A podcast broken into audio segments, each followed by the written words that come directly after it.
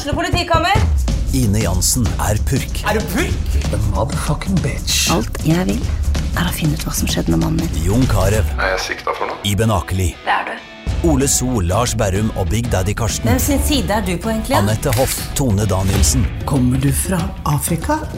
Jørnis Josef, Nesten. Kløfta. Trond Espen Seim, Det er synd å si det, men det var feil mann som døde. Purk. Se nå på TV2 Play.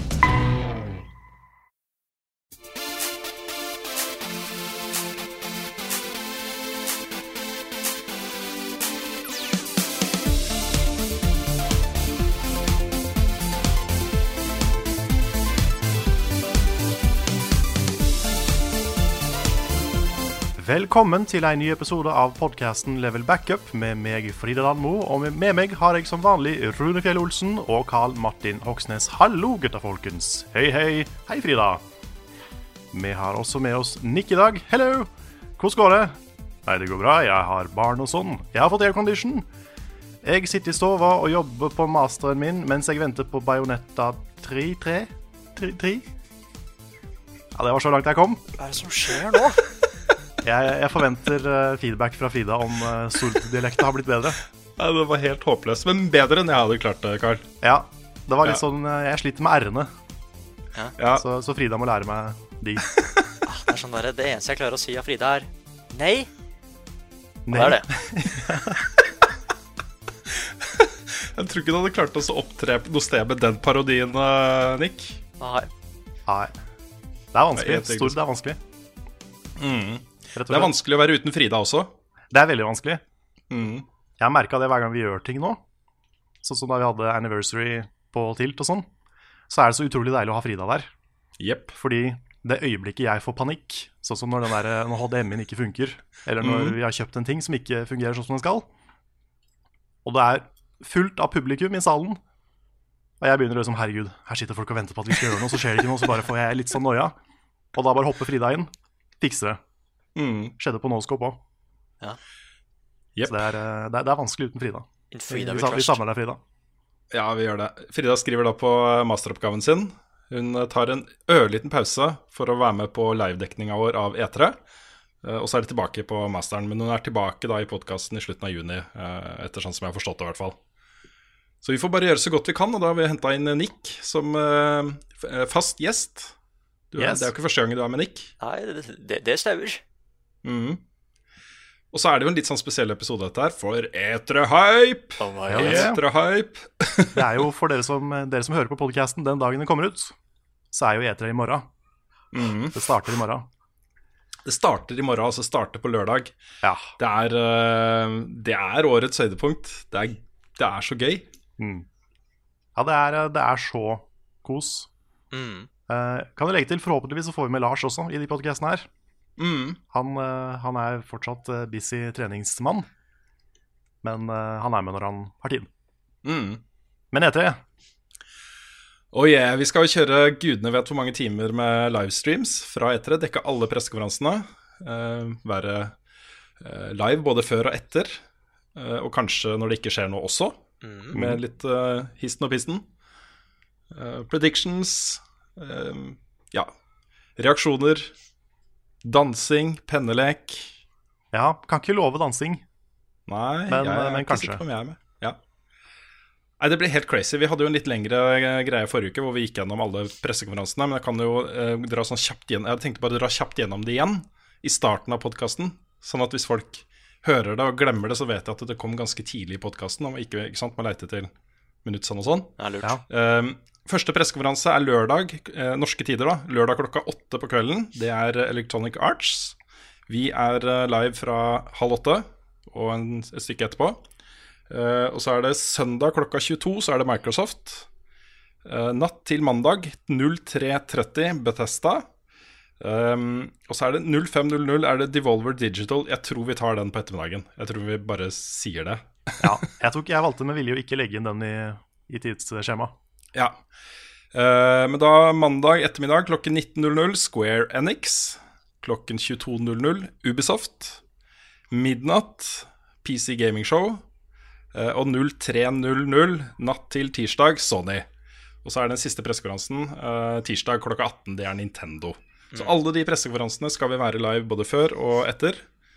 Pluss at det blir masse andre greier som skjer. Og vi skal jo opp på Forskningsparken igjen. Der Tarjei er vår vert i år også. Yeah. Uh, Og i morgen, altså fredag, i kveld for de som hører på, så skal vi rigge. Det bare kjenner det bobler inni hele meg. Ja, ja. Ja. Jeg, jeg gleder meg og gruer meg uh, Mm.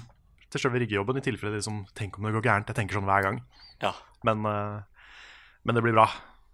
Jeg bare jeg gleder meg til gode- alt funker. Mm, ja, Jeg bare gleder meg til alt funker. ja, nettopp.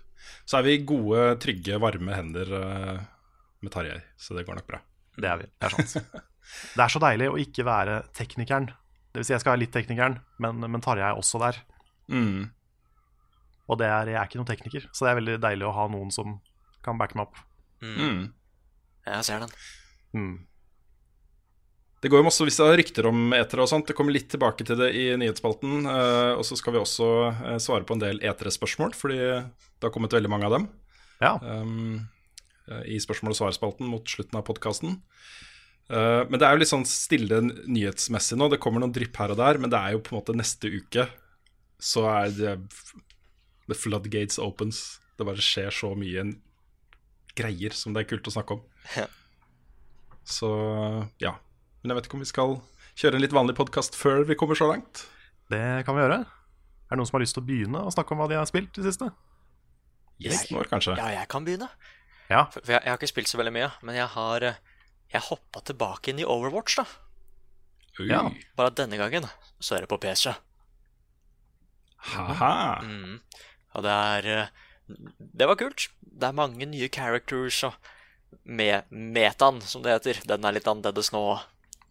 Og det det som er litt dumt, er at alle mine favorite characters De er jo nerfa i stykker, ikke sant? Å ja. For det, for det skjer alltid det at eh, de lanserer en ny hero, men så er det kanskje noen eldre heroes som er litt for bra mot den nye heroen, og da er de nødt til å skru ned damagen litt, og han kan bare rulle to ganger denne gangen, og sånne ting som det, da. Så jeg, nå sitter jeg og prøver å finne en ny favorite character, og, og det, Ja. det var kult. ja, hvem er, hvem er nye foreløpig? Ah, det er eh, Jeg tror det er en som heter Moira. Det er en sånn der ny healer. Ja, og, det som, og det som er kult med, er at hun har uh, Ultien hennes er en Kamehameha fra Dragon Ball. Da. Nice. Som både skader fiender og healer teammates. Ja, Hey. Hvor lenge er det siden du spilte det? jeg tror det er et år siden. Altså. Ja. Kanskje, kanskje litt lenger enn det, til og med. Og det er sånn herre Jeg starta å spille igjen fordi Sea of Thieves-servera var nede, og da var det sånn Vet du hva, vi, vi får spille noe annet, da. Og da, og da hadde jeg lasta ned Overwatch for en stund siden, så da så bare valgte jeg å spille Overwatch. Og det var faktisk ganske kult. Ha. Men er du, er du sånn healer-dude, eller er du Nei, jeg er nok mest en sånn DPS-dude. Okay. Men uh, i Overwatch Jeg pleier aldri å være healer vanligvis, men i Overwatch så er det litt gøy. For det er så veldig mange forskjellige måter å heale på i det spillet. Enten legge inn en sånn healing zone, eller bare skyte, skyte noen med et healing weapon. Det det er så mye variasjon med de heroene i det spillet. Så da, går, da går healing dude helt fint. Ja. Jeg kjenner mange som spiller Overwatch som liker å være healers. Mm. Det er kult. Ja, men utenom det så har jeg ikke spilt noe mer. Nei, vil du ta over, Rune? Ja, det kan jeg gjøre. Jeg kan jo begynne med, med det nye jeg har spilt, som jeg ikke har snakka om nå i uke etter uke. det er et nytt spill som heter uh, Far Lone uh, Sales. Har dere hørt om det? Nei. Nei. Det kom nå på Steam i uka som gikk, tror jeg. Um, det er et lite indiespill, men um, også, Jeg vet ikke helt hvordan jeg skal beskrive det. Utgangspunktet er uh, at det ligner litt på Limbo, um, egentlig. Også samme type 2D og progresjonssystem. Du starter på venstre side av kartet, og så beveger du deg bare mot høyre. Ja. Stort sett. Uh, og du styrer en Jeg tror det er en liten jente som uh, legger ut i en sånn derre um, steampunk farkost. som det er masse rom i, og maskiner, og må operere en steam engine og legge inn gas og sånne ting for å få den til å gå videre. Etter hvert så får den store sånne seil da, som gjør at den kan eh, gå uten å bruke drivstoff. Jeg vet ikke hvor det bærer. Også det, hun skal jo et sted. Eh, Det starter, hun står ved siden av bildet av det jeg tror er faren hennes, som er død. Hun er alene. Og skal reise et sted med denne svære farkosten. Og det er både utrolig lekkert å se på, veldig sånn stemningsfullt, og veldig gøy. eh, og spennende. Og så kommer du til gradvis uh, mer og mer komplekse puzzles uh, som hindrer veien din. ikke sant? Du må uh, låse opp fremgang videre eh, og finne nye greier til denne farkosten din. Eh, samle drivstoff og sånne ting. Det var kjempebra. Kjempe, kjempebra. Det anbefales veldig, altså. Stilig. Så Ja, stilig. ja, sånn kosespill. Eh, og så må jeg ta et spørsmål som har kommet fra Lasse Aasveen, som spør hvor langt er du i Dark Souls 3, og hva er favorittvåpenet så langt? For jeg spiller jo fortsatt Dark Souls 3, og nå har jeg vært gjennom dritt-DLC-en. Er, er det Ashes of uh, Ariendal det heter? Ja. Ja, er det ikke det? Jo. Ja. Jeg glemmer alltid hva det heter. den likte jeg ikke i det hele Altså, det var momenter der jeg likte. Altså, den bosskampen eh, Jeg huska jo eh, Det var jo den du spilte på Kilden, Carl, fortalte du meg. Stemmer. Jeg huska ikke det da jeg kom inn dit, men jeg da, det kom- da jeg kom til fase to, så huska jeg det. så så den var, eh, den var en bitch, altså. Den var vanskelig. Mm. Hele den delscenen. Jeg bare syns den var sånn derre sånn tanngnissende vanskelig, egentlig. Ja. Men så, så gikk jeg jo rett inn på Ringed City, og det er jo noe av det beste Soulsborne-innholdet jeg har sett. Yeah. Eh, og der også så får jeg Jeg husker det etter at jeg har vært der. Så husker jeg at du spilte det på stream, at vi satt og spilte det sammen på stream, Karl. Karl. Så jeg har jo sett mye av dette her før. Nå er jeg forbi der du kom til stream, eh, på streamen, da. Men um, det, det er bare så bra, og så overraskende, og så mange nye ting, og uh, nye feeder og puzzle-mekanikker og, og sånne ting. Jeg bare elsker det. Kjempekreativt. Veldig, veldig bra, altså. Ja, jeg, jeg er veldig fan av egentlig både Dark Souls 3, eh, begge, begge delscener. Mm. Jeg syns um, Ariandel er jo det er kortere, men den bossfighten gjør så mye. Mm. Og jeg syns kanskje det er det kuleste det, er, det er nok den kuleste bossen i Souls for meg. Ja, Den var veldig kul. Jeg var sånn, når jeg var der, jeg, jeg visste jo ikke at det var flere faser. Jeg huska jo ikke det. Nei. Så jeg fikk henne nesten helt ned, ikke sant. Eh, Fire-fem ganger. Sånn, ah, så endelig hadde jeg klart det, og så bare OK! nå, hus nå husker jeg at det var noe mer som skjedde på den streamen her, ja. Ja. Og så kommer fase tre etter der igjen. ja, fy fader. Da ble jeg oppgitt, altså. Men det var gøy. Altså, jeg, likte, jeg likte bosskampen. Jeg syns den var innmari bra. Eh, men også den første bosskampen i Ringed City. Uh, der fikk jeg jo prøve meg litt da vi streama det, husker jeg. Det gikk jo ikke så Det gikk ganske bra, men uh, jeg skjønner jo nå at det ikke gikk så bra som jeg trodde det gjorde da, for det var jo også en ny fase der. Det er mange, mange multifasebosser i, Ja. i det treeren. Men det, det også var kjempekult, og det der lange hoppet du må falle du må gjøre ned for å komme til den bossarenaen. Um, og det at det er to, plutselig to av dem, og at den ene kommer tilbake igjen som sånn der ildsprutende kjempedust. Ja, stemmer det. Ja. Oh, nå kom jeg på en ting. Ja, Du, du har sikkert ikke vært på det ene optional-området i, i treeren. Det er dragestedet. Uh, nei, vet du hva, jeg har, eh, jeg har sett det hinta til uh, et par steder. Mhm. Um, jeg, jeg tror jeg har funnet ut uh, hvor jeg tre får den Er det en gesture jeg trenger for å komme inn dit? Ja. Ja, så jeg, liksom, jeg driver og leser meg opp litt på items og sånne ting nå og da. Så jeg får noen sånne hint da på hvor jeg kan gå og sånt. Så jeg, jeg skal dit. Ja, ja, fordi for den bossen der, det er noe du må få med deg. Ja, jeg tror det. Det er en av de kuleste bossene i hele serien, syns jeg. Ja, Og en av altså. de verste. Og en av de Mm. Yes, yes, yes. Yes. Nice. Men spørsmålet til Lasse var jo eh, hvor langt jeg var, og da har jeg svart på det. Men også hva favorittvåpenet var. Og jeg starta jo med det, det, er, det er litt funny, skjønner du, fordi jeg starta jo med den eh, Ushigatana, er den heter?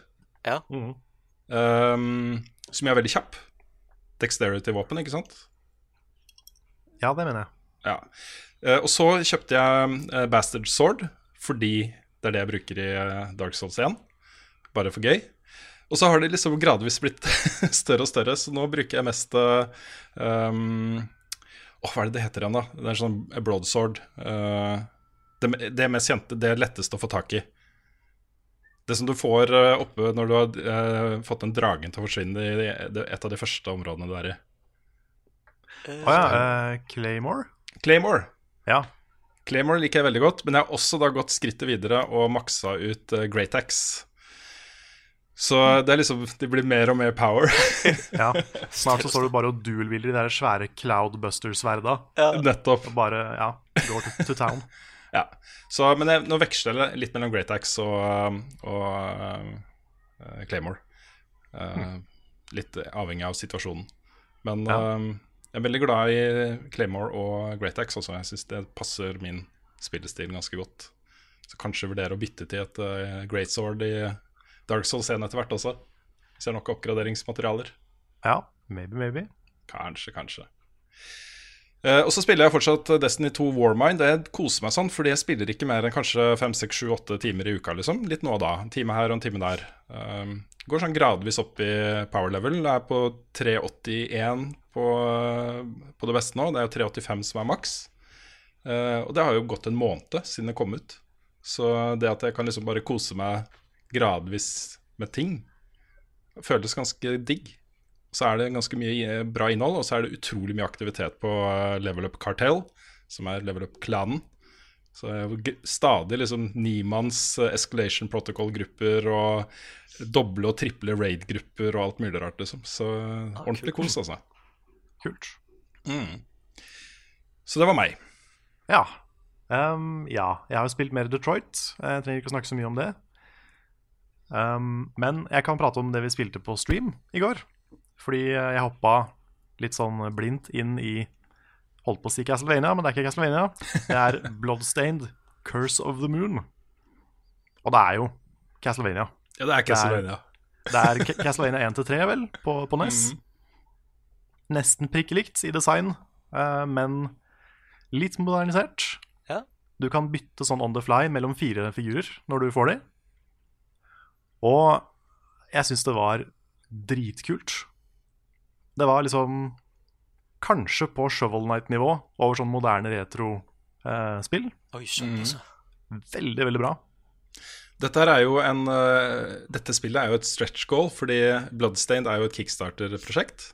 Ja. Hva er det hva er det, det egentlige spillet heter? Et eller annet Det er vel Bloodstained Ritual of the Nights, tror jeg. Ja, det høres riktig ut. Og det kommer jo etter hvert. Men det, eh, de hadde et stretch goal om at hvis vi når så og så mye eh, penger, så skal vi lage en liten forsmak på hva dere har i vente. Og det er dette spillet her, ikke sant. Mm. Ja, fordi det de lager nå, det er jo basert veldig på Castlevania Symphony of the Night. Som er et sånt Metroidvania, veldig svært, eh, litt penere spill. Mens det her er liksom en sånn Kan nesten kalle det en demake, hvor de har gått enda lenger tilbake og lager et NES-spill. Men det er jo i widescreen, med flere farger. Eh, veldig sånn bra sprite art. Så eh, anbefales. Kosta bare 80 kroner. Jeg så noe interessant der, fordi eh, det solgte 100 000 eksemplarer i løpet av de første dagene det var ute. Eh, 56% av det salget var på Switch. Er ikke Ja, det, det litt overraskende? på. Nei, det, det tror jeg på. Ja. Det er et perfekt Switch-spill. Mm. Det er et det spillet jeg gjerne kunne sitte med på toget og sånt. Mm. Ja. Og så er det Det er ikke så langt. Det er vel kanskje, kanskje tre timer. Jeg spilte to av de på stream, og så runda jeg det etterpå. Ja, okay. Men eh, Nei, det var liksom vanskelighetsgraden var veldig bra balansert, og jeg spilte jo på, på veteran, ikke på casual. Det sa streamen at det fikk vi ikke lov til. Så um, spilte på, spilte på vanskelig. Mm. Men det var, det var kjempebra. Ordentlig sånn kosespill. De hadde bare naila den retro-stilen. Og så er det så kult å se i et moderne spill bygd med liksom NES-byggeklosser at det når, du forts altså når det kommer et nytt spill i den stilen, så kan det fortsatt være så bra. Mm. Det syns jeg er kult. Mm. For det, det sier jo liksom at det var noe der, også i gamle dager. At de liksom Det er fortsatt bra hvis du gjør det bra. Mm. Og det er jo litt Owlboy også, jo mange andre spill. da Et godt Ja. eksempel på, selv om det er mer SNES, kanskje. Ja, for dette her går enda lenger tilbake. Ikke sant? Um, men det, det, det lages fortsatt innmari gode 2D-spill med pixel art. Jeg synes Mm. det, det sier noe da om den på en måte kjernen i hva som er bra gameplay og uh, underholdende spillbarhet. Mm. At uh, man, man kan bruke liksom designprinsipper fra gamle dager og fortsatt være bra. da Kan det, altså. Jeg er glad vi er ferdig med den derre alt må være 3D-greia. Når når indiespillene kom, så kom liksom 2D litt tilbake. Og det er min tweet. Ja, det er helt greit. Mm. Mens vi snakker om det, så må jeg også nevne at uh, Alboy har kommet på Switch nå, og da skal jeg endelig sette meg ned og spille det sammen med unga. Ja. Um, Fikk også en melding fra Jurema at, om at den norske oversettelsen også er klar nå, Hey. som en patch. Um, så det, det er jo helt perfect. Kan jeg spille på norsk med kidsa. Det blir, uh, det blir det vårt neste spill. Det forrige var jo Minecraft. Etter det så har vi liksom spilt uh, Mario Kart og litt sånne ting sammen. Men ikke satt oss ned med et helt spill og spilt helt gjennom. Men det skal vi gjøre med dette, da. Så, Kult. Mm. Blir bra. Nei, så um, varm anbefaling av uh, Bloodstained, Curse of the Moon. Det er uh, veldig lite spill, men det var så bra at det kanskje ender opp på topplista mi i år. Ja, oi. Wow. Så det er Så uh, bra. så, så koste jeg meg, altså. Fy søren. Og det er high praise for et uh, for, Litt av greia er at jeg hadde liksom Jeg hadde aldri NES. Jeg spilte mye NES, men jeg hadde ikke konsollen sjøl. Så jeg har ikke helt det samme forholdet til den konsollen som de som vokste opp med de spilla. da. Men jeg fikk likevel så utrolig godt inntrykk av det spillet her. Mm. Så det syns jeg sier noe om kvaliteten på det. Det er tid for anbefaling. Og anbefaling denne uka er fra meg. Kommer også en fra Rune. Fordi vi, vi jukser litt. Nå er ikke Fride her, så da kan vi jukse. Vi kan gjøre hva vi vil. Hva Ja. vi vil kan vi gjøre, Carl. Vi kan snakke om sport. Og prompevitser og, og alt mulig rart. Ja, Jeg trenger ikke å klikke helt, da, men, men ja. Nei, ja. jeg, jeg, tror, jeg, jeg tror Frida også er for prompevitser. Altså. Ja, det tror jeg kanskje også. Vi har i hvert fall ikke protestert ennå. Nei. Nei. Men eh, min anbefaling er egentlig veldig, veldig enkel. Det er jo fordi det er E3 nå. Lørdag til eh, tirsdag for oss som ikke er i USA. Og min anbefaling er bare se på det med venner. Sånn uansett om du ser på vår dekning eller noen andres dekning, du kan gjerne se på vår dekning, det kommer til å bli bra. Men uh, uansett hvor du ser det, bare samle en gjeng. Uh, kjøp litt godis, litt sånne ting, og bare sitt sammen og se på E3. For det, det var liksom, før jeg begynte i VG, så var det bare min favorittmåte å følge med på E3 på. Ja. For det er så hyggelig. Mm. Det er på en måte det vi gjør, bare at vi streamer det. Og hvis du ser hos oss, så kan du bli med på penneleken, som gjør det, Det enda også. mer koselig. Ja, ja, og det kan du også leke med venner. Ja. Bare ha masse penner. Mm. Så, um, så ja, bare, bare se på E3 sammen med venner. Det er kjempe, kjempegøy. Mm, Det er skikkelig Men du, Karl, Carl, jeg må bare ta opp en ting som jeg ikke så før nå. Og nå Ja. klarer jeg ikke å se noe annet, fordi det er den feteste T-skjorta jeg har sett noen gang. Å ja, Evil Corp. Ja, er den eh, ny? Nei, jeg har hatt den en stund. Ok, jeg har, jeg har ikke sett den før. Jeg vet ikke.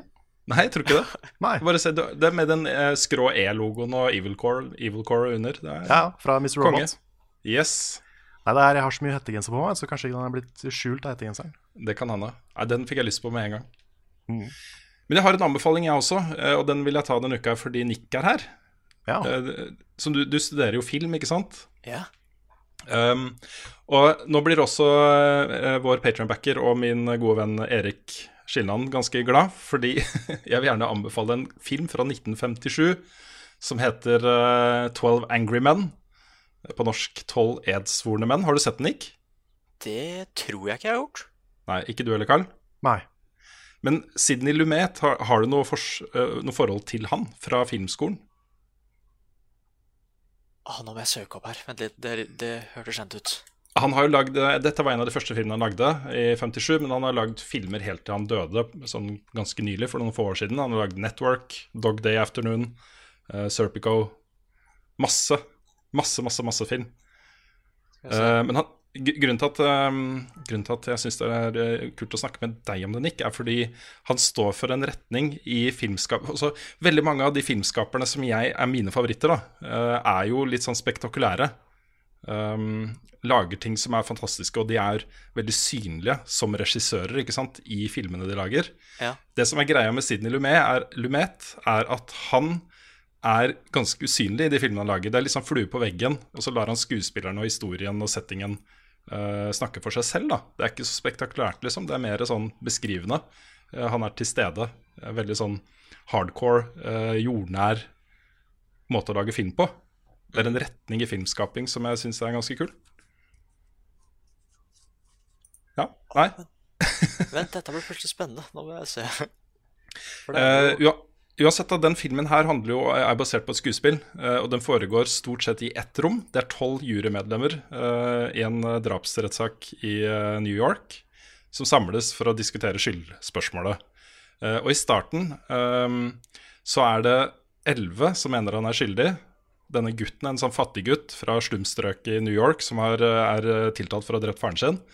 Eh, elleve av de mener han er skyldig, uten tvil. Én har reasonable doubt. Han har liksom grunn til å tro at det ikke er spikra, og vil ikke si han er skyldig med en gang. Så i starten så er det én, og så utvikler det seg derfra. da. Det som er så kult med den, er at det er jo på en måte historien om disse mennene, disse forskjellige typer menn og fedre, som blir på en måte det viktigste. Um, hvordan de forholder seg til denne gutten som har drept faren sin, og hvordan de forholder seg til sine egne barn, og til det å være en del av samfunnet. Uh, og Det som overrasker meg mest, er hvor dagsaktuell den er. Altså, det er 1957, og det er pina det er utrolig mange temaer som tas opp i den filmen der som fortsatt er veldig aktuelle uh, for oss som lever liksom, i vestlige demokratier. Så um, den står seg sterkt, altså. Hm. Veldig. Jeg kommer til å tenke på sikkert ikke det samme i det hele tatt, men jeg kommer til å tenke på The Night of. Mm. Den også er, eh, det er en bra serie. Om, om en gutt serie. som dømmes for noe, eller som, som uh, havner i fengsel for noe. Mm. Ja, for det er utgangspunktet er jo liksom det, de forutinntatte meningene som folk har om ting, liksom, basert på hvem de er, og hvor de kommer fra, og hva slags erfaringer de har. Mm. Uh, uh, og så har du dette rettsprinsippet om at alle er like for loven, mm. og at uh, aktoratet må bevise at de har gjort det. beyond a reasonable doubt. ikke sant? Samme prinsippet har vi jo i norske rettssaker. Um, ja, jeg, jeg syns det, uh, det, var veldig bra film, altså. Ja, det er, det er, jo han som har lagd 'Murder on the Orient Express'. Den gode filmen, altså. Ja, stemmer det. Mm. Han har lagd den også. Ha. Ja, ok. Mm. Stemmer. Nå begynner, jeg, nå begynner jeg å se litt her. Skal vi se. det er litt spesielt. Han fikk jo aldri Oscar for uh, beste film, også som regissør. da. Noen av filmene han lagde, fikk jo det. Ja. Uh, forskjellige typer Oscar. Men som regissør aldri en eneste Oscar. Han har vært nominert gudene vet hvor mange ganger. Uh, men han fikk en sånn æres-Oscar, uh, tror jeg, rett før han døde. Ikke så mange ja. år før han døde. Det er bra han fikk det før han døde, for det er så mange som får det etter. ja, ikke sant. Det er jeg tror de har, Det akademiet jeg tror de har litt for vane å se an helsa til disse gamle ja. veteranene. Ja. Og tenke at ok, vi må gjøre det nå, ellers så kan det være for sent. Så, men han er jo utrolig Han nyter jo veldig stor respekt blant både skuespillere og andre regissører. Også en veldig hardt arbeidende. Han har gitt ut minst én film i året i nesten alle årene han levde Ikke levde, han, men fra han begynte å lage film. da um, Og veldig sånn en skuespillerregissør. Det er tid for nyheter. Og vi har vel noen nyheter denne uka her, selv om de store nyhetene kommer neste uke. Ja da, eh, det er noen nyheter. Det har jo skjedd ting. Også, man merker det på disse selskapene i eh, oppkjøringa til etere, at noen av de liksom er så stinne av ting de har lyst til å fortelle, at det sprekker litt. da Altså, Ting forsvinner ut i et eller annet. Altså, det er et eller annet flyer fra et eller annet sted som noen har sett. Også, ikke sant? Mm. Uh, og så for, enten så blir de tvunget til, eller så gjør de det veldig kalkulert til å liksom forhåndsannonsere at dette kommer på etere. så det er et par av de nyhetene denne uka her. Men jeg tenkte å begynne med det som er eh, den mest konkrete pakka med nyheter fra uka som har gått. Og det er jo uh, Destiny 2 Forsaken. Den store DLC-pakka til Destiny 2 som kommer til høsten. Uh, jeg tenkte å ta et spørsmål her også fra uh, Einar Totland. Som skriver Rune, nå har Bunji kommet med en helt nydelig Twitch-sending som viser fremtiden for Destiny 2, og de skal vise fram enda mer under etere. Er det sannsynlig at du kan få Destiny som hobby igjen etter denne utvidelsen? Eh, og hva er dine tanker rundt å kombinere PVP og PVE slik de viste fram? Um, og Det som er litt spesielt med dette, her er at Destiny 2 var jo en mye, mye seigere, uh, mer velbalansert, uh, mindre uh, sånn random greie enn det Destiny 1 var. og det har folk klaga på nå i ett år, snart ett år. Destiny 2 Forsaken bare kaster alt det vekk og nå har de lagd ni nye supere. uh, det kommer tilbake random rolls på våpen. Uh, det er massevis av uh, Hva skal man si sånn mod Nye mod-justeringer. og det det betyr, er jo rett og slett at ok, folkens, bare ha det fett. Vi blåser i om det er balansert eller ikke. Bare, de klarer jo ikke å balansere dette her. Det er jo masse av dette her som kommer til å være OP så det holder, ikke sant? Mm. Um, og jeg syns det er så gøy å se. Det, det kan bli en sånn frigjørende ting da, for folk. Og bare OK, ja, greit, peis på, liksom. så, så det syns jeg var morsomt. Uh, det, det som uh, Einar snakker om blandende PVP og PVE, er jo et helt ny modus som heter Gambit. Hvor det er to lag som holder på på hvert sitt område og, og slåss uh, i PVE. Men så kan du da eh, ødelegge for det andre laget, og også sende én person over. Én person over til å fucke med dem. Um, sånn nå og da. Jeg syns det så kjempegøy ut. Det ligna liksom ikke på noe jeg har sett før heller. Det var kult at de bare lager noe helt nytt der. Mm. Ja, det var Eh, veldig blir- stilig. Ja, ikke sant? Og så blir det et nytt raid, som de sier er det største eh, med flest bosser eh, av alle raidene det er lagd til nå. Stemmer. Masse puzzle-ting og, og så videre og så videre. Eh, og så kommer det sånn record-bok og uh, sånn Triumphs-bok, altså ting å kollekte, ting å gjøre. Uh, drep 100 av de, og så får du en sånn ting. Og så får du en medalje som du kan vise på profilen din, og, og sånne ting. Så de bringer liksom tilbake ganske mye greier her, som jeg tror folk, inkludert meg selv, har etterlyst.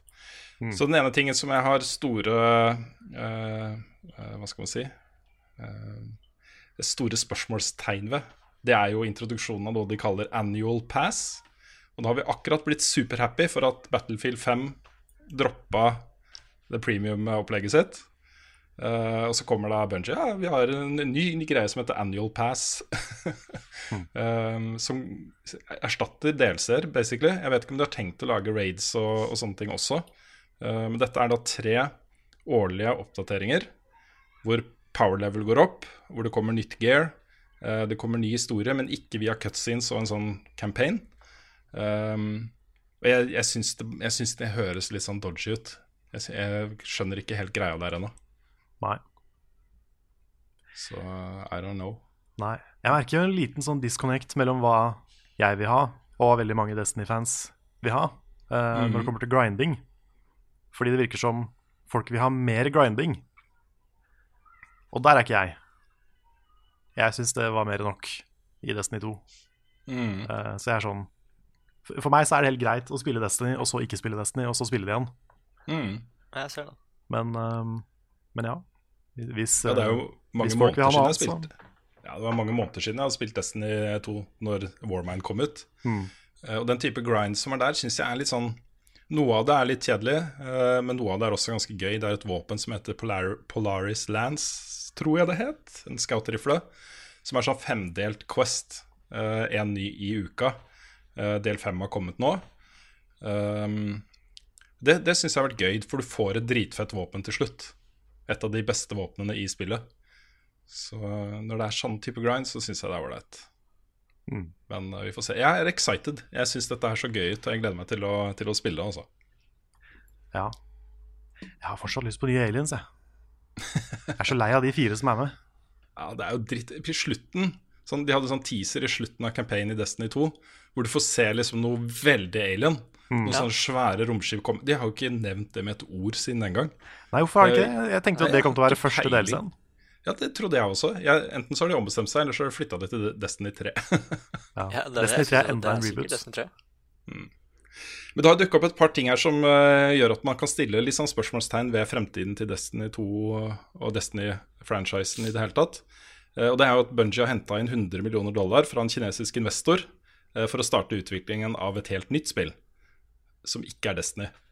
Og du ser også med Forsaken-utvidelsen til høsten, så er både Blue Moon Studios og Treyarch tungt involvert i utviklingen av innhold. Så det virker på meg som om flere av de liksom, sentrale folkene i Bungie begynner å liksom skiftes over til noe annet. Så um, enten så kan det bety at man får inn friskt blod som ser på det med nye øyne og lager fete ting, eller så uh, ja, kommer man til å savne på en måte et Bungie på sitt beste da, i fremtiden til Destiny. Ja, tror du det kommer et Destiny 3? Ja, De har jo en sånn tiårskontrakt med Activision. Jeg tror ikke de har noen mulighet til å komme seg ut av den. Nei. Så eh, til høsten så er vi jo halvveis. Da har det gått eh, Ja, eller ikke det engang. Fire år. Mm. Så det, ja, det, det er nesten villig til å sette penger på at det kommer både Destiny 3 og 4 og 5, liksom. Det, Oi. Men hvis folk slutter å spille det, så kan det jo hende at eh, Activision bestemmer seg for å eh, avbryte kontrakten, da. Ja, ja for de blir vel ikke laga uansett? Nei, det De må jo selge. Ja. Så ja, vi får se. Men uh, den tiårskontrakten gjelder fortsatt. Greit. Uh, et av de spillene som uh, smatt gjennom the cracks, er jo Assassin's Creed Odyssey. Det er ikke så mye som er kjent om det ennå, men vi vet at det foregår i antikkens Hellas. Og vi vet at det er en dude som sparker en annen dude utfor et stup. ja. Han tar en This is Sparta på en eller annen dude. Nettopp. Så, så det kommer jo da til å være på Ubisofts eh, pressekonferanse. Mm. Jeg mener jeg har hørt at du kan eh, velge eh, det, det eneste jeg har hørt, er at du har litt mer frihet som hovedperson. Mm. At du kan være mann eller dame, og du har eh, valg for hva det vil si. Mm. Ja, nettopp. Eh, det er vel en av de få tinga de har sagt. Ja, det, er- det er vel hinta om at du, det vil nærme seg enda mer rollespill-ting. at vi har flere mekanikker og systemer fra tradisjonelle rollespill i Odyssey. Jeg syns det er litt funny at de kaller det Odyssey, for jeg nevnte det for noen uker siden i podkasten at nå skal alle kalle ting Odyssey, og så heter dette også Odyssey. Ja, Men Assassin's Creed har hatt alle de der eh, cheesy titlene. Yes. Liksom Revolution og eh, Revelation og Mm. liksom alt. Jepp. Uh, og så har EA åpna serverne for Skate 3 igjen, og hva kan det bety? Hva kan det? Ja, ja, kanskje Skate 4. Det er, uh, ligger litt i kortene. Det er et sånn type spill som de gjerne uh, kan bringe tilbake. Den er moden for, uh, for noe nytt. Det hadde vært kult, altså. Mm. Microsoft har gått ut og sagt at Crackdown 3 er utsatt til 2019. Det er en sånn typisk nyhet man slipper før etter det, for å slippe å gjøre det på pressekonferansen. Ja. Det er bra at Microsoft har så mange andre eksklusive spill som er på vei. Ja, Det setter jo enda større press på dem for å virkelig levere på Ikke det at Crackdown 3 har vært et sånt spill som har redda en Microsoft-pressekonferanse før. Eh, Det er liksom vanskelig å bli super excited over nummer tre. Ja, men det er, det er noen Det er en, det er en fanbase der som har venta lenge på det spillet. Ja da, eh, absolutt. Så eh, ikke, noe, ikke et vondt ord om verken Crackdown eller Microsoft på akkurat det der. Men eh, eh, man kan nok forvente seg enda hottere ting. Jeg gjør i hvert fall det. Enn Crackdown 3 på den pressekonferansen til Microsoft. Ja. Men det er litt, det er litt rart, altså. At det, er, det har vært så mye trøbbel med de eksklusive Xbox-spilla. Det er sånn er flere kanselleringer, masse utsettelser. Eh, Sea of Thieves ble jo lansert, men det var liksom, nådde liksom ikke helt opp. Nei. De må ha noe bra nå, altså. Mm. Ja, jeg har nevnt det før også. Jeg er mest spent på Microsoft i år. Jeg Ja. kommer til å være ordentlig sitte på kanten av setet og Ja, ja, det er litt sånn make or break nå.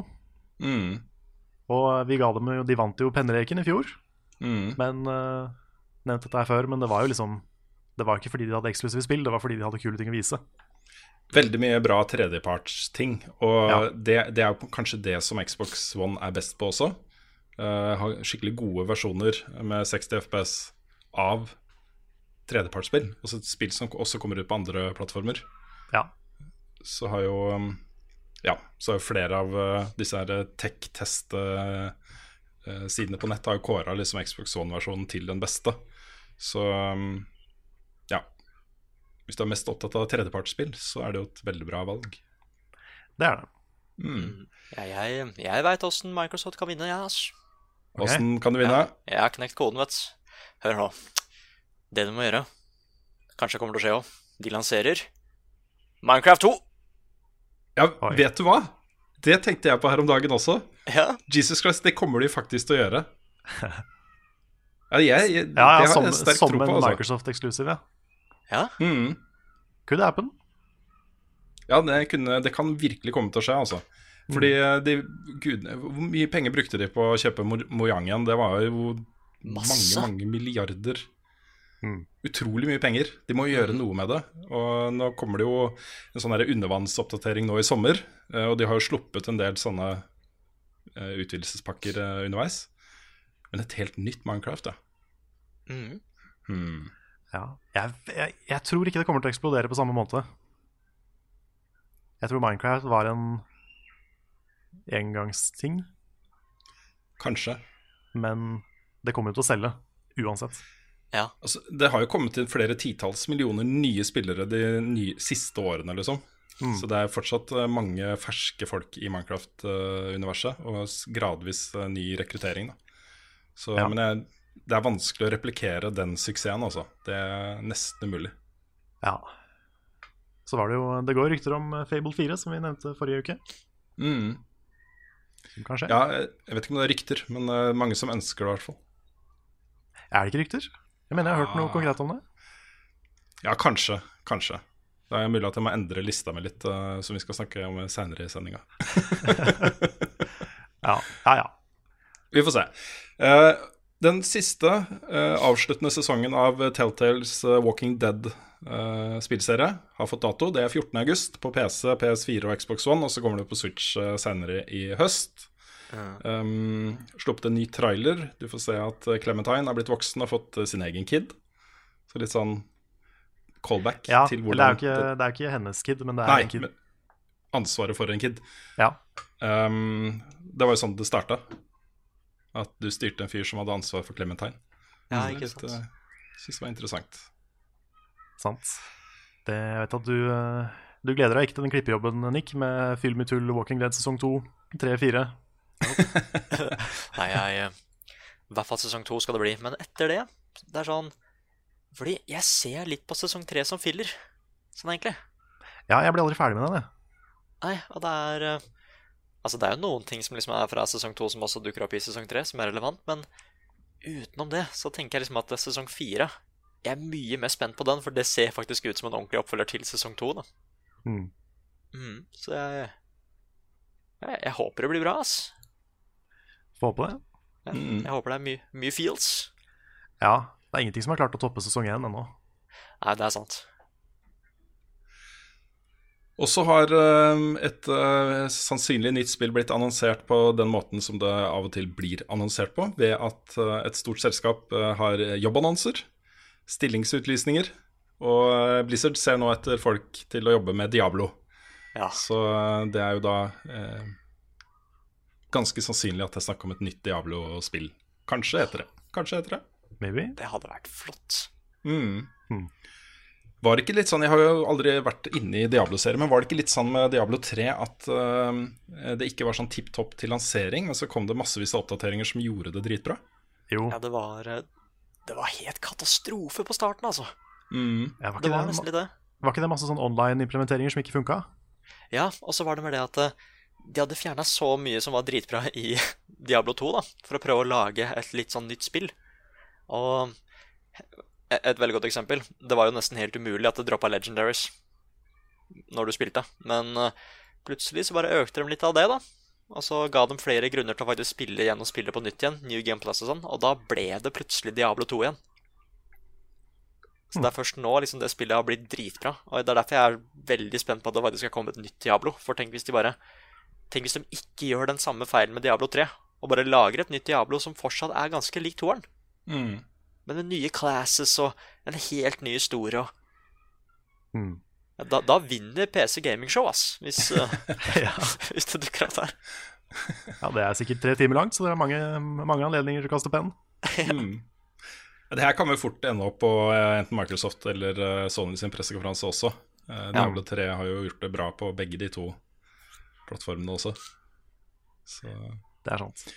Det var en sånn mørketid, altså, når eh, alle spill skulle være sånn always online og putte inn masse sånne unødvendige systemer mm. som ikke funka til launch. SimCity og Jeg er glad, jeg er glad vi er ferdig med det. Ja. Nå er det mikrotransaksjoner som vi må piske litt på, men, eh, men det, er ikke, det er ikke like ille som spill som ikke funker. Og da er det tid for ukens spørsmål.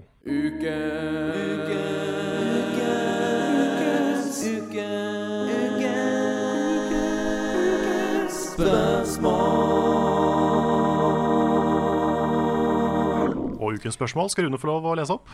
Ja, det er fra uh, Philip Lindstøl. Og uh, vi har jo fått massevis av spørsmål om etere. Det er mange som gleder seg, ikke bare oss.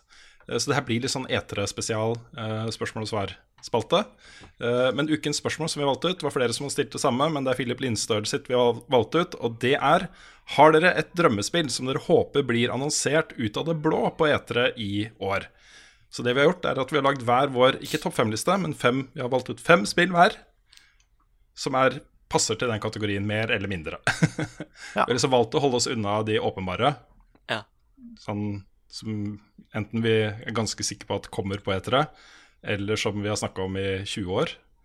Eh, 15-10. Så ja. Hvem Ja. har lyst til å begynne? Nei, vil du begynne, Nick? Ja, jeg kan begynne. Nei, fordi da har jeg, jeg har ikke God Hand eller God of War eller bare noe God. Det har jeg ikke med. Det skjer jo ikke det. Men uansett, jeg har det som liksom eh, Fortsatt drømmespill, men det kan også skje, da. Og det første jeg har da, er jo veldig liten sjanse, men de skal jo vise Battlefield 5 nå, ikke sant, på E3. Men hva hvis de også bare Oh, by the way, her er en trailer til Bad Company 3 også. Uh, Ja. Oi, oi, oi. Det, det, hadde, det hadde vært veldig kult. Eh, og så har vi et nytt Infamous-spill. Det tenkte jeg på, faktisk. Ja, Det begynner å bli ganske lenge siden. ja men, men jeg har ikke lyst på noe sånn Jeg har ikke lyst på noe sånn Second Son eh, spin-off-greie. Jeg har lyst på Infamous 3. mm.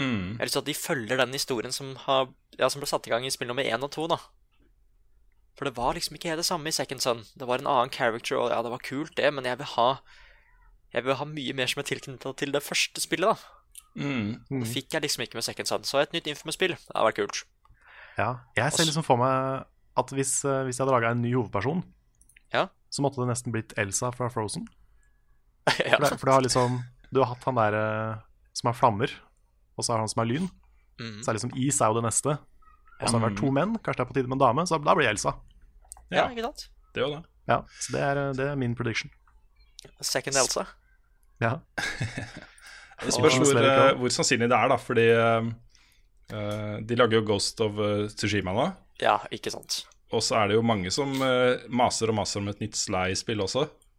Så ja. Nei, så det er jo Jeg håper bare at de har splitta teamet, holdt jeg på å si, i Ikke sant? ja, jo jo. Kanskje ikke gå så i detalj på hvert eneste spill.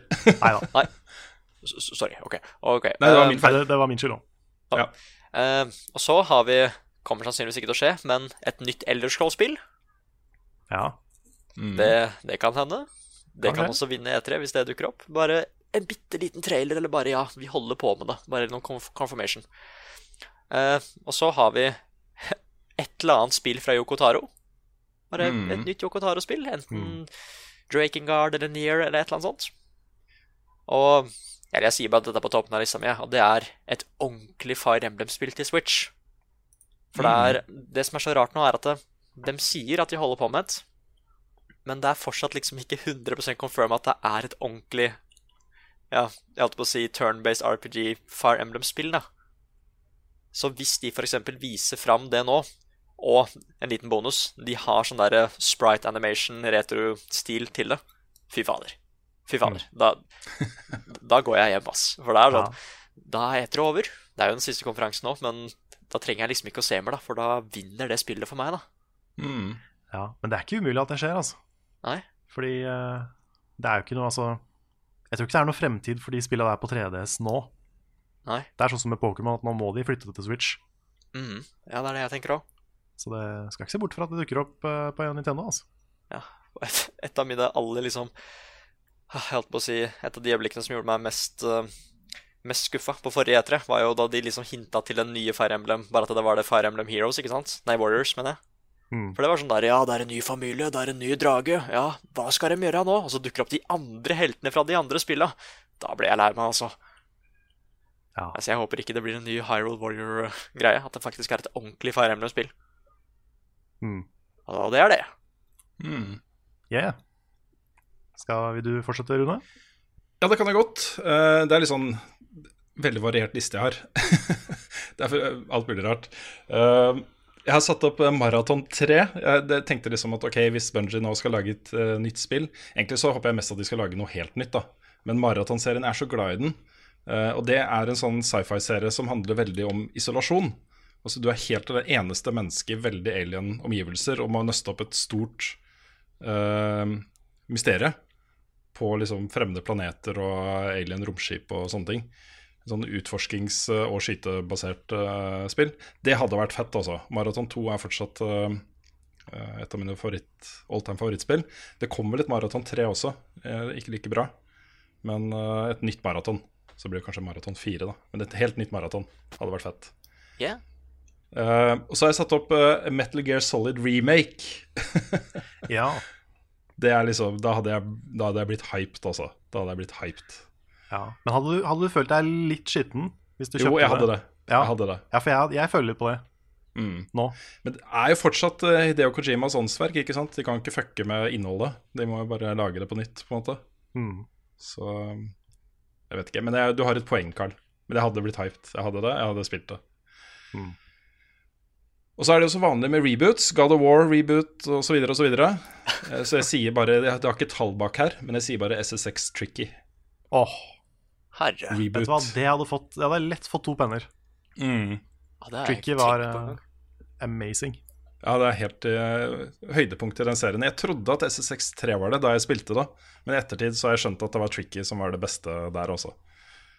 Det Ja, var jeg- den perfekte Jeg savner den der attituden. Ikke sant? Den der over, de overdrevne figurene som hadde sånne beefs med hverandre. Mm. Faen, det var gøy, altså. Ja, det var kjempegøy. Kjempe, kjempe, kjempegøy. Så det Ja, det hadde jeg blitt glad. Og så har jeg tatt bort da Fable 4, fordi eh, hvis det er konkrete rykter om det, så passa det ikke på lista mi. Nei. Så jeg har satt eh, nytt Tenshu-spill isteden. Hmm. Uh, Ja. og Tenshu, kanskje særlig Tenshu 2 var jo fantastiske. Sånn uh, stealth-baserte uh, ninja-spill. Det hadde vært fett. Ja, det kan jo faktisk skje, da. Mm. Og så har jeg ikke sagt, satt opp Dark, eh, Bloodborne 2 eller Dark Souls 4 eller noe sånt. Men jeg har satt opp Dark Souls MMO. Og la meg forklare. Da tenker jeg ikke sånn Con Exiles MMO eller uh, World of Warcraft MMO. Mye mer begrensa. Um, kanskje mer coop-basert. men hvor liksom man skal reise ut og ta bosser og grinde etter materialer og kanskje ha sitt eget sted. Um, og kanskje gjøre det samme med venner. da Og så er det egne PVP-soner, altså områder hvor man kan spille PVP. ha. Jeg, kan, jeg kan se det litt. Mm. Da, da vil jeg gjerne også legge til uh, Dark Souls Battle Royale i min liste. ja. For det også har jeg lyst til å se. Mm. Nei, bare det, en av de tingene også Co-op-delen av uh, Soulsborne-spillene har alltid det, er- det er hyggelig at det er der, men det er alltid, jeg har alltid ønska muligheten til å spille gjennom med en kompis. Det trenger ikke å være mange venner, liksom, men én kompis. Mm. Uh, hvor begge får progresjon, og begge kan gjøre ting, og man kan dele hele opplevelsen sammen med noen. Ja. Jeg tror det hadde vært kult, altså. Mm. Ja, en mye mer tilgjengelig coop. Mm. Det hadde vært uh, konge. Mm. Jeg skjønner hvorfor de har gjort det på den måten de har gjort det, jeg har respekt for det, men uh, det hadde vært gøy også. Så Ja. Ja, ja. Da kunne vi laga en oppfølger til Soulmates. Ikke sant? Med liksom alle in game. Mm. Det har vært helt uh, magisk. Ja, en uh, ultra hardcore uh, Eller en, hva, hva kaller du den serien? Hver Multi-. Multi-hardcore. Multi-hardcore. ja. Ikke sant? Jeg bare se for deg ikke sant, en svær verden som er de verdenene de har lagd. ikke sant? Der er det jo massevis av forskjellige steder. Hva om de er connecta på en eller annen måte? Du kan liksom, Kanskje det har gått 1000 år siden uh, eh, handlingen i eh, Dark Souls-serien. ikke sant? Eh, kommer til ruinene av alle disse stedene du har besøkt i alle disse spillene. Oh, det hadde vært kult, altså. Man kan drømme. Mm. Det, det skal jeg også gjøre. Var ikke det en fin sånn eh, Segway? Ja, Jo, For nå kommer min liste, ikke sant? Ja, Fader, en pro på podcast, altså. skulle tro du har gjort det før. Ja, skulle trodd. Det er eh, ingen spesiell rekkefølge her. Eh, Men jeg kan jo begynne med Mother 3 på Switch, Mm. Som jeg har gått og håpa på i mange år. Det har eh, foreløpig ikke skjedd. Det har gått rykter, men bare rykter. Så jeg håper jo at i år er året det skjer. Og så har jeg satt opp Dette blir en bitte liten spoiler til etter rulleteksten på Mario Odyssey, bare sånn så folk eh, er klar over det. Fordi du får jo besøke Mushroom Kingdom i Mario Odyssey. Og det jeg håper på, er en DLC som forvandler Mushroom Kingdom til hele Super Mario 64. Mm. Oi. Could happen. Could happen. Ja. Det, Det hadde jeg satt høyt. Mm. Så kan du spille det i Mario Odyssey. Ja. Å, det hadde vært supert. ja, det kunne fort skje, altså. Det er sånn en beslutning som jeg bare ser for meg at hvis den bare først havner på bordet, så er veien til å få den godkjent og faktisk produsert ganske kort da, hos Nintendo. Ja, for de, har jo, de må jo oppdatere det, men de har likevel grunnsteinene, liksom. Mm. Så de bare kopierer det inn, og så lager det på nytt. Med litt uh, fancy, shiny tools. Det, det hadde vært noe. Mm. Og så er enda en Eh, Kan jeg ta en bitte liten digresjon, siden Fredrik er her? Ja. Ikke at vi ikke gjør det når Frida er her, da. Det var kanskje litt dårlig gjort. Men har dere sett den videoen han, eh, fra Super Mario 64? Hvor du ser en fyr da starte spillet fra starten av, og så driver han og glitchhopper og hopper og spretter og hopper og kommer på taket av eh, slottet og havner liksom gjennom, glitcher seg gjennom ikke sånn En lang sekvens, da. Masse sånn fantastisk hopping. Og Mm. Ja, der ja, har han et skilt der hvor det står 'We've updated our privacy policy'. Jeg bare syns det var så hysterisk morsomt lag. Ja, dritbra. Men jeg har, eh, jeg har en Nintendo-ting til. Um, Pokémon Snap 2. Mm. For det, det, var, det var perfekt på Wii U. Hadde også gjerne tatt det på Switch. Og eh, det, det, er- det er liksom Hvorfor har de ikke gjort det? Mm. Og så må de gjøre det skikkelig. Det, kan- det kan bare være de første 151, men ikke bare 64 stykker, sånn som det var i uh, originalen. Mm. Det må være i hvert fall én full generasjon med Pokémon. Gjerne de to første, hvis det går. Men eh, i hvert fall mer Pokémon Snap. Og så har jeg satt opp en ekte oppfølger i Banjo Kazooie-serien.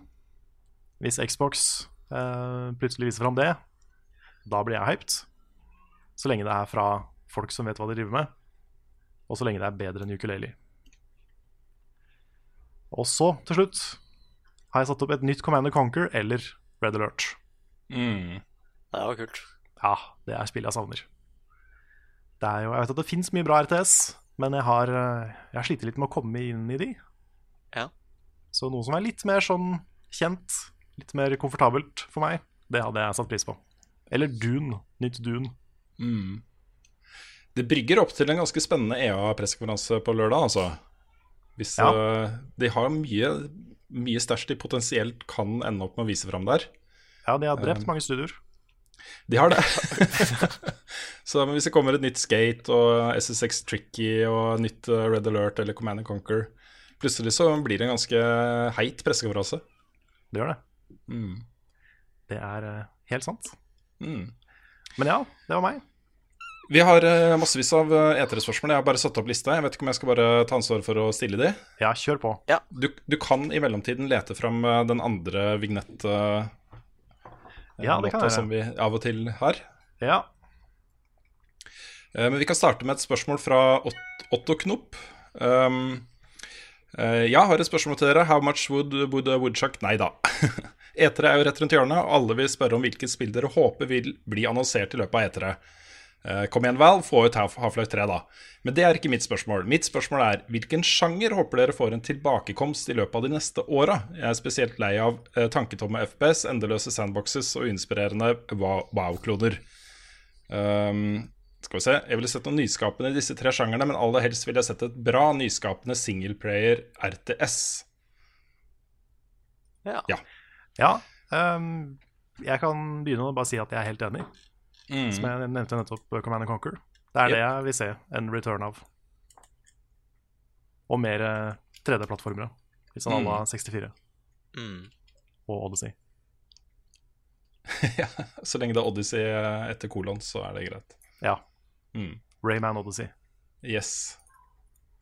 Nei, jeg har, eh, jeg har litt uh, tro på og håp om at, uh, at den derre evinnelige gnål om at alt skal være så stort og multiplayer og online og connected og live, eh, games as a service og sånt, har fått seg en liten smekk etter suksessene med sånn Horizon og God of War og Zelda og, og sånne ting. At vi får se liksom return of epic singleplayer games.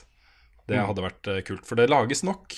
Det lages nok eh, online-spill som du kan spille med vennene dine, og det er kjempegøy. Eh, Men ordentlig fokus på å lage nyskapende, dritbra, overraskende, spennende, eh, historiedrevne opplevelser. Det mm, hadde vært kult. For det er så mye mer man kan gjøre der. Det er så mange ting som ikke er gjort ennå. Det er så mye nytt man kan gjøre. Ja. Jeg, jeg kunne gjerne også sett mindre open world, egentlig. Mer regissert. Sånn som Mm. God of War. At det er, det er ikke fullt så åpent. Det er mye mer du, du blir leda en vei, du kan gå andre veier, men dette er litt sånn finpolert for at du skal gjøre det her. At Mm. det skal være kult. Det er jeg litt fan av. Mens jeg Jeg tror nok jeg hadde ha sagt noe sånn beat 'em ups eller noe sånt. Mm. Ja, det er ikke så mye lenger. Ja, enten 3D eller 2D. Brawlers. Ja, Brawlers. Ja. Jeg har veldig lyst på en sånn derre øh, Nå husker jeg ikke hva den heter. Beautiful Joe? Husker du de spillene Ja, der? Beautiful Joe, ja, det var jo kjempekult. Ja, for eksempel eh, noe nytt sånn. Og mens vi er inne på Clover Studios Altså, jeg hadde jo ikke sagt nei til Godhand, men det er sånn. Nei, ikke sant. Men, eh, men nei, bare flere Kanskje flere 2D-spill som det er eh, brawlers, liksom. Men som er kanskje couch co-op, eller bare et eller annet co-op, da. Sånne, sånne type spill. Det er ikke så mye av nå for tiden. Det er sant. En reboot av Streets of Rage. Ja. Det hadde vært fett. Eller Golden Axe. Ja, for eksempel ny 2D Golden Axe. Mm. Greit. Har du uh, musikken klar, Carl? Ukens Sinfor. Hvor mange liter brus slash energidrikker og kilo potetgull slash snacks og hamburgere blir fortært under en eteresending? Føler dere at dere har et variert kosthold, og hvordan ser en typisk middagsuke ut i Level Up-panelet sånn ellers? Hilsen en som har variert kosthold, men burde kutte ut, kuttet ut mye av brusdrikkingen og spise, spise enda mer frukt. Og Det er da et spørsmål fra Trond Borgersen, som også går under artistnavnet Sinfor. Um, ja. Blir det mye sunn mat på oss uh, under etere? Hvordan var det i fjor? Hadde vi ikke en del frukt og sånt? Jo, vi hadde Vi litt hadde sånn druer og sånn. Ja. ja vi Bananer prioriterte det, tror jeg, da vi var for å handle digg, for det var jo pri én, Digg og brus. Men vi prioriterte å, f- å uh, variere med frukt. Vi hadde mye epler og druer og bananer og Gulrøtter òg. mm. Ja. Jeg husker jeg dreit meg ut i fjor fordi jeg tok en energidrikk for tidlig. Oh, ja. Og det skal jeg ikke gjøre i år. Nei. Nei. Jeg skal begynne med noe litt, eh, litt mindre koffeinfylt. Mm. Det er min erfaring med sånne ting, hvor man skal binge gjennom hele natta, enten om det er et LAN-party eller etere-sendinger eller hva som helst, så min erfaring er at eh, den derre euforien man får av å ha et berg av godteri, den går over uh, i løpet av natta. Gjerne ganske tidlig, sånn 12-1. Så blir man litt sånn derre tung, og så bare åh, nei, vet du hva, nå har jeg bare lyst på vann og frukt. Det er det jeg har lyst på nå. så, så det blir nok en del av det i år også, tror jeg. Ja, det er lurt. Ja, det har noe å si, altså. Når vi skal holde på til fem-seks om morgenen, må man nesten ha litt uh, ja-mat. Ja, man må det. Kan ikke bare spise fersken, si. Nei, Vi skulle hatt en sånn her, eh, holdt på å si bagettmaker på sida, Mm. så man kunne lage litt sånne fancy egg- og salat-ting. Vi får uh, høre med Tarjei hvordan kjøleskapmuligheten er. Det, jeg husker ikke om det var et kjøleskap der, var det det? Nei, det husker ikke jeg heller. Nei. Hvis det er det, så kan man jo kjøpe rett og slett brød og noe pålegg. Godt pålegg. Mm. Så har man jo Ja. Så lenge det ikke går utover natteturen til McDonald's, så uh, Nei, for den må vi ha. Ja, Den må det er vi ha. Den må vi ha. Mm. Det var noe av det beste som var forrige gang. Ja. Mm. Det er ellers eh, vanlige matvaner. Jeg kan jo si at eh, på sommeren så spiser jeg is nesten hver dag. Eh, nesten hver dag. Men ellers så går det jo Vi har ganske sunne middager hjemme. Sånn, I hvert fall stort sett. Mye, mye grønnsaker og Paprika er vår eh, favoritting å ha til siden av middag. Det er dritsunt og kjempegodt og lett å knaske på. Ungene liker det og lett å få i de paprika. Så det har vi, til nesten alt vi lager, så har vi fersk paprika. Hm. Ikke alt, da, men nesten. Og eh, rå gulrøtter. Skrelt og skåret opp Ja. i mindre staver. Ja. Nei, det, det blir mye frossenmat, altså. Jeg bor jo aleine. Jeg er ikke så flink på å lage middag. Men jeg prøver jo å spise litt wok og sånn. Noen wok-grønnsaker. Og eh, prøver å variere litt. Jeg er ikke kjempeflink til det, men eh, det, blir, det blir mye litt sånn semi-usunn uh, frossen pizza. Og litt Just Eat av og til. Jeg var akkurat sånn før, eh, før barn. Ja.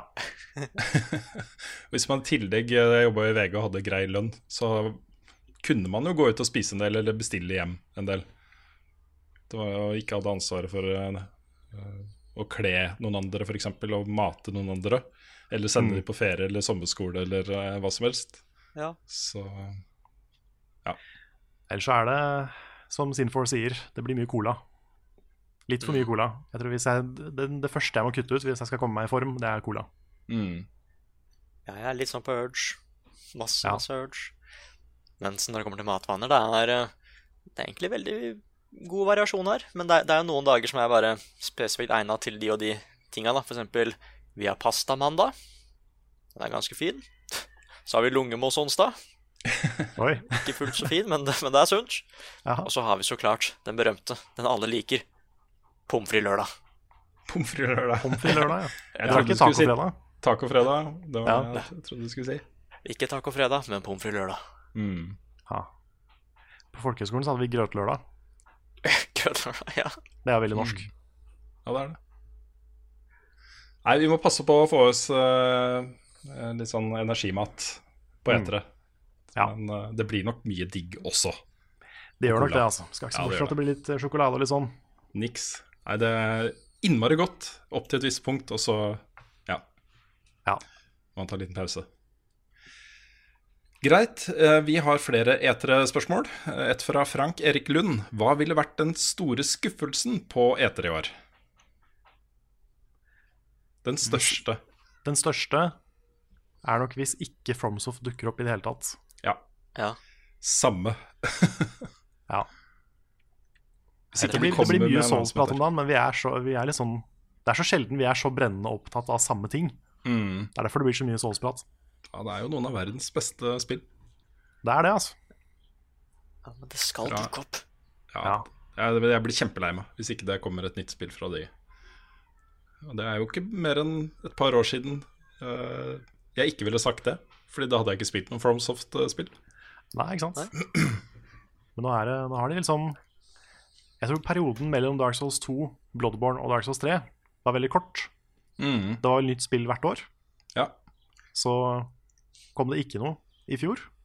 Mm. Så det er liksom Det er tid for noe Det nytt. ligger i kortene. Ligger i kortene. det. Og de har jo kommet, sluppet den lille teaseren med Shadows Die Twice og sånne ting. Så Ja. det, alt tyder jo på at det kommer. Det er derfor jeg blir skuffa, hvis ikke det gjør det.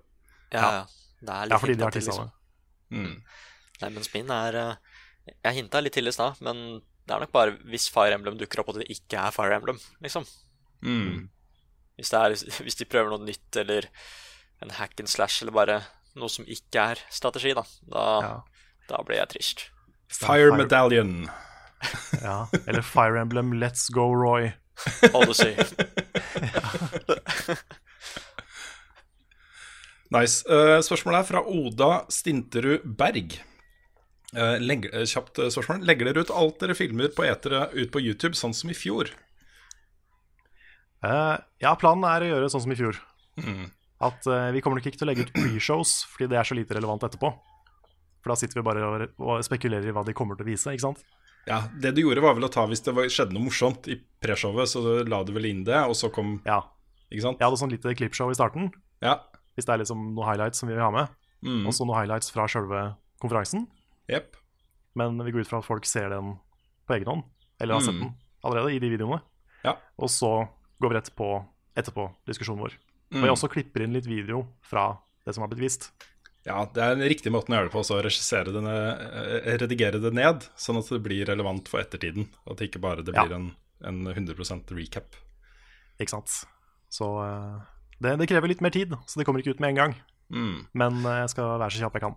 Og så kan det jo være lurt å følge oss live, fordi det er jo en ting som skjedde i fjor som de som fulgte oss live fikk se, men som ikke ble lagt ut etterpå. Nei, jeg har tenkt på hvertfall- kanskje legge ut den nå i ettertid. Ja, Vi hadde jo en helt fantastisk nydelig session med Cards Against Humanity. Det hadde vi. Og det var liksom Et av de største stream-høydepunktene våre fra E3 i fjor, var det. Så hvis Ja. du satt og fulgte med, så tror jeg det var veldig gøy både for oss og for de som så på. Ja, for det, er noe med liksom Cards Against Humanity er sånn det er morsomt noen ganger. Men det er veldig morsomt når du er overtrøtt. Ja, det var vi. Klokka var jo var to eller tre eller noe sånt da vi starta. Ja, Ja, Det var noe sånt. hysterisk. ja. Og jeg aner fortsatt ikke hvorfor jeg syns Jafar var så morsomt. Men jeg holdt på å bare knekke av det kortet. Ja. Så eh, sånt kan jo skje hvis man er litt rått Mm. Og så blir det oppsummeringer med podkasten. Det blir vel en etere oppsummeringspodkast, tenker jeg. Level Update. Tenkte jeg å bare lage en sånn Her er de største nyhetene fra uh, årets etere. Så det kommer jo stoff etterpå. Det gjør det. Eh, spørsmål fra Sander Haugnes Måseide. Hvilken pressekonferanse tror dere vinner etter i år? Oi. Gut feeling. Gut feeling. Jeg holder faktisk en knapp på Nei, jeg skulle til å si Ubisoft, men så angra jeg. Men det er mest fordi de var så veldig bra i fjor. Og de vant jo nesten i fjor. Hvis ikke det var for den siste gullpennen til Svendsen, så hadde de vunnet. Mm. Um, altså Sony har liksom hinta til at ikke de har så veldig mye i år. Microsoft har mye å leve opp til. Jeg har lyst til, kanskje jeg skal være litt sånn wildcard og si eh, jeg, jeg håper Square Enix. Ja. Mm. Det er et langt svar, men uh, Square Enix. Jeg tror fortsatt Magefølelsen min sier fortsatt Sony. Jeg Um, er litt der, jeg òg, altså. de har Death Stranding og potensielt uh, nytt Fromsoft. Mm. Uh, og uh, potensielt en del andre ting som kan dukke opp der. Uh, Jeg Bluepoint, hva er det de gjør med remake, f.eks.? Ja. Det er jo sannsynligvis et Sony-spill. Mm. Så, så jeg tror det blir Sony. Men eh, jeg er veldig forberedt på å eh, bli overraska, og at det er noen andre som ender opp med å gjøre meg mer hyped. Det er, liksom, det er så mange ting som ligger i kortene nå. Hvis alt ramler på plass, liksom, så kan jo både Bethesda, Square Enix og EA og Microsoft og Nintendo uh, gjøre det veldig veldig sterkt. Og Ubisoft. Alle har liksom ting på gang, og rykter og ting og tang. Så hvis alt liksom ramler ned og ser dritbra ut, så uh, har alle potensialet til å bli E3-vinner i år. Men jeg Ja, tror ja. fortsatt det blir Sony. Ja. Ja, men se for deg hvis Nintendo bare pøser på med kule ting. Ja, det var det jeg skulle si òg, så kanskje jeg bare Altså, jeg er akkurat nå mest spent på Sony, men jeg tror jeg, jeg, jeg holder den til Nintendo, jeg. Så kan de overraske der, ikke sant? Mm. Kanskje det nye Smash ser amazing ut. Eller noe av det nye som kommer fra Pokémon eller et eller annet sånt. Mm. Kanskje det dukker opp Metroid Prime gameplay. Altså, det Det som er vanskelig med penneleken, Ja. det er at se for deg hvis de bare går tilbake til Smash gjennom hele directen. Hvis bare en Smash reveal og så noe annet, og så enda en Smash reveal, ikke sant? Ja. Mm. Det er fortsatt bare lov å kaste to penner, vet du. Det kommer til å bli vanskelig å bare ikke kaste flere penner. Ja Greit, og så tar vi et siste etere-spørsmål. Um, det er fra Rolf Helge Øver, Øvergård Ingebrigtsen. Noen sannsynlighet for God of War 2-reveal på etere? Tror det er litt tidlig, altså. ja, det, Mm. Eller er vel God of War 5, egentlig? Eller 6? Ja, det blir, eh, ja, det blir jo det er det femte fall. Eller blir det God of War 2018 2? ja. Ja. Nei, jeg, jeg tror nok vi får høre noe om God of War, men jeg tror ikke det blir noe annet enn eh, en New Game Plus eller eh, en sånn type oppdatering til God of War. Jeg tror ikke de er klare. Men jeg, det kommer, dette spillet her tok jo seks år, tror jeg, å lage. Eh, Fem-seks Ja. år. Neste spill kommer ikke til å ta så lang tid, for nå har de naila kameraføringa, de har naila combaten, de har naila så mange ting da, som tok så lang tid å få til å bli bra, ikke sant? Mm. Så eh, det kommer nok ikke til å ta mer enn et par år, men eh, det tar nok i hvert fall et par år, tror jeg. Ja. Neste E3. Neste etter det tror jeg blir God of War. kan godt hende. Mm. Hvis ikke, da. Det blir PlayStation 5, og de må gjøre veldig mye på nytt. Ja, det kan hende. Det er til launch-spill til PlayStation 5 Det ligger jo litt i kortene, da, at et sånt type spill fort kan ende, ende, ende opp med å bli det. Mm. Så ja. Could be. Kan, be, eh, kan jeg ta enda et E3-spørsmål, bare for å, for å folde med? Absolutt. Det er fra Mathias Kjølstad, som spør hva er det verste som noen gang har blitt annonsert på E3. Uh, ja, kan ta det først. Og da har jeg lyst til å nominere den gangen Conquer dukka opp. Og så viste det seg at han bare var en sånn maskot i Project Spark. Det var liksom Det er kanskje den, den drøyeste sånn der, der oppe, og så der nede. Ja. Med en gang. Ah, Og det Det var så slem reveal. Ja. Mm. Ja, fordi han sa at eh, hvis du har lyst på et nytt Conquer, så kan du ikke bare lage spillet selv, da. Ja. ja, det var det òg. Ja. Han begynner med å si ja, er lenge siden forrige spill, og jeg bare Og så Vi får lage det sjøl. Da, ble- da ble jeg nesten provosert, ass. Mm. Ja, mitt verste eterøyeblikk Jeg var ikke på den pressekonferansen selv, men det gikk gjetord om den uh, umiddelbart, og har vært uh, mye snakka om seinere. Det var uh, lanseringen, revealen, av Nokia Engage. Å ja. Det var ille. For det første så var det jo der den derre At man holdt den sidelengs for å snakke med den memen ble født. Um, og for det andre så var jo hele pressekonferansen Du kan forestille deg keitete eh, corporate dudes i dress fra Finland prøve å være unge og hippe og kule og Ja. lansere en ny spillmaskin. Ved hjelp av altså Lanseringsdatoen for Engage ble annonsa ved at en av disse ganske unge jentene som dansa på scenen, tok opp uh, toppen og viste det var skrevet på magen hennes. Oi. Det var helt, helt håpløst. Det var så Det har skjedd ting altså de siste åra. Ja. Ja. Vi har kommet litt videre. Fy fader. Jeg har jo ikke noen skuffende øyeblikk, egentlig. Jeg, ah, kanskje jeg bare skal være så kjedelig da, da de reveala PlayStation 3. Det var dyr. Det var Ja, skikkelig, den- skikkelig dyr. Ja, det var en ganske sånn kjip uh, reveal. Ja, hele den pressekonferansen var jo den dårligste pressekonferansen Sony har hatt på etere. Ja, men da sier jeg det, hele den konferansen. Ja, fy fader, altså. Der var det mye blunders. Og du bare så det når uh, Kasirai uh, begynte å snakke om prisen. Det var sånn i forsvarsposisjon med en gang, liksom. Prøvde å forklare hvorfor den var så dyr. Og du så at selv han trodde jo ikke på at det var en fornuftig pris for en ny spillmaskin. Nei. Det var helt kriminelt dårlig, altså. Nei, det har vært noen blunders. Mm. Det tok seg opp etter hvert, da. På Tokyo Gameshow samme år så var det jo eh, mye løsere i snippen, Sony, og viste fram mer kule ting og sånne ting. Mm. Så Kanskje vi skulle, mens vi venter på neste konferanse, kanskje vi kan se den der eh, Born Mobile-pressekonferansen? Husker du vi så den mens vi satt i VG, Rune? ja. Det er det kleineste jeg har sett noen gang. Det er kjempegøy. ja, det var utrolig morsomt. Med han der CEO-en som er så ukomfortabel. Ja. Og går på scenen og bare snakker om at jeg er Generation M for mobile. Så, og der også er det sånne kids, eller sånne unge mennesker, som står og danser og bare 'Jeg er avhengig av telefonen min, og jeg heter Tornado92 og er sånn gamer på internett som er en dritfin kjæreste'. Det var sånn lang remse med cringe. Det Ja, er det er kanskje fantastisk. noe av det verste slash beste jeg har sett. Det er nest, nesten litt synd at disse eterpressekonferansene har blitt så proffe. At vi ikke får sånne øyeblikk som det der lenger. Mm. Sånn Jamie Kennedy på Konami, eksempel. Legendarisk. Legendarisk. Han var jo høy og full. Og hetsa utvikla Neversoft. Han brukte veldig lang tid på å referere til Neversoft. At det var snakk om peniser og uh, ereksjonsproblemer og sånne ting. Det var bare helt kriminelt dårlig, altså. Ha. Wow. Ja, og sånn her dansegreia som også var på det, jeg tror det var samme året. Ja, det var samme året. Ja. Og han der uh, You'll be sucked. altså der. Det var det samme året. Ja, det var sånn som perfekt storm av dritt. Ja, det var det, altså.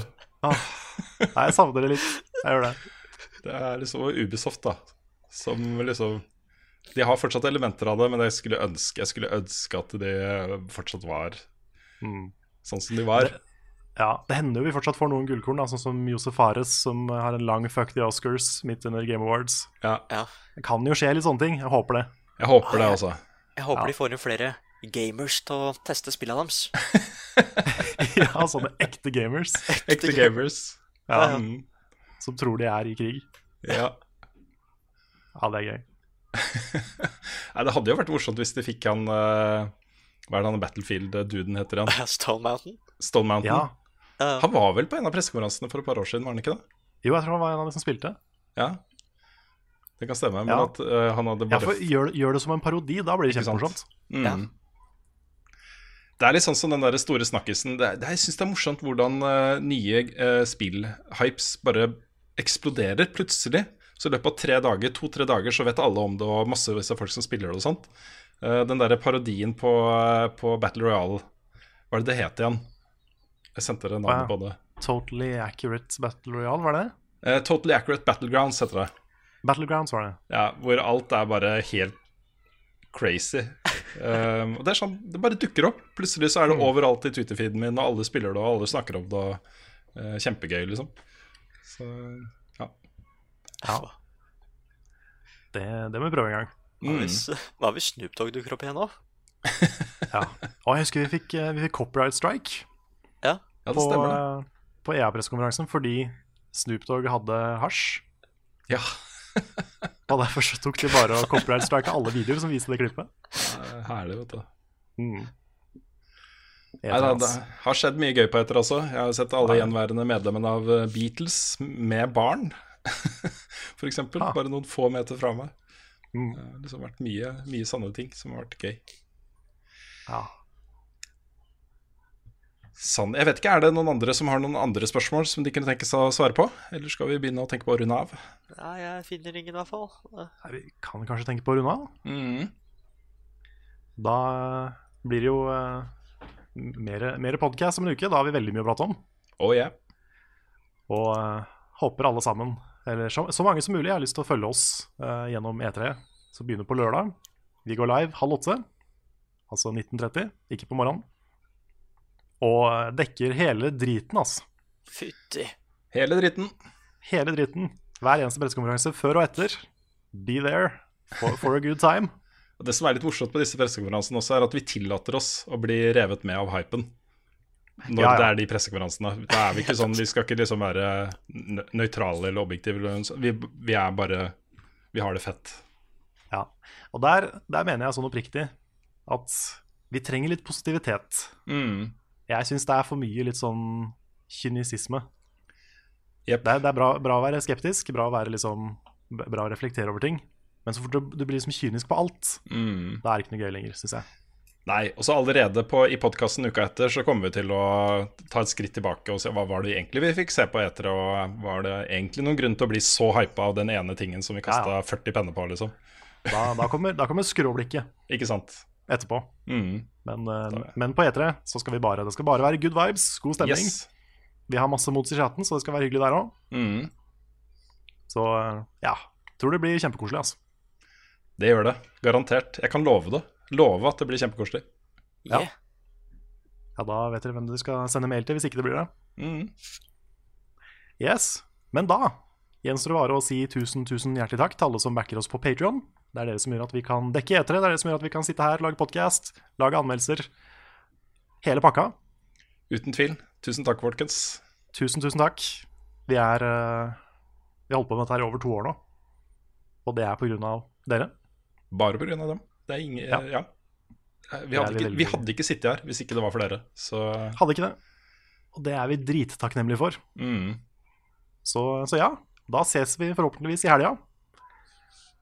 Og eh, det, det blir bra. Jeg er så hyped. Jeg er det. Ja. Nå får du den der utfordringen som Frida har slitt med en stund, at jeg avslutter podkasten, Karl. ja, det er det som er vanskelig. Fordi jeg har liksom lyst til å fortsette å bare etre, ikke sant? Men, ja. men vi, må, vi må runde av nå. Mm. Så, eh, så takk, for i, takk for i dag. Og så ses vi veldig snart. Ha det bra.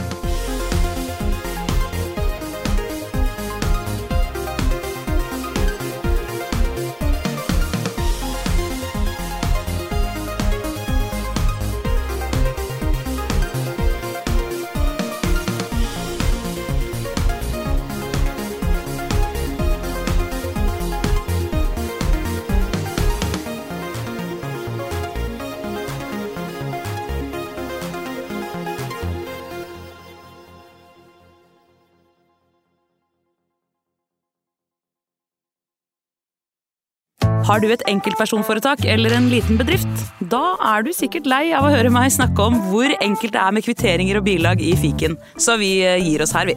Fordi vi liker enkelt. Fiken superenkelt regnskap.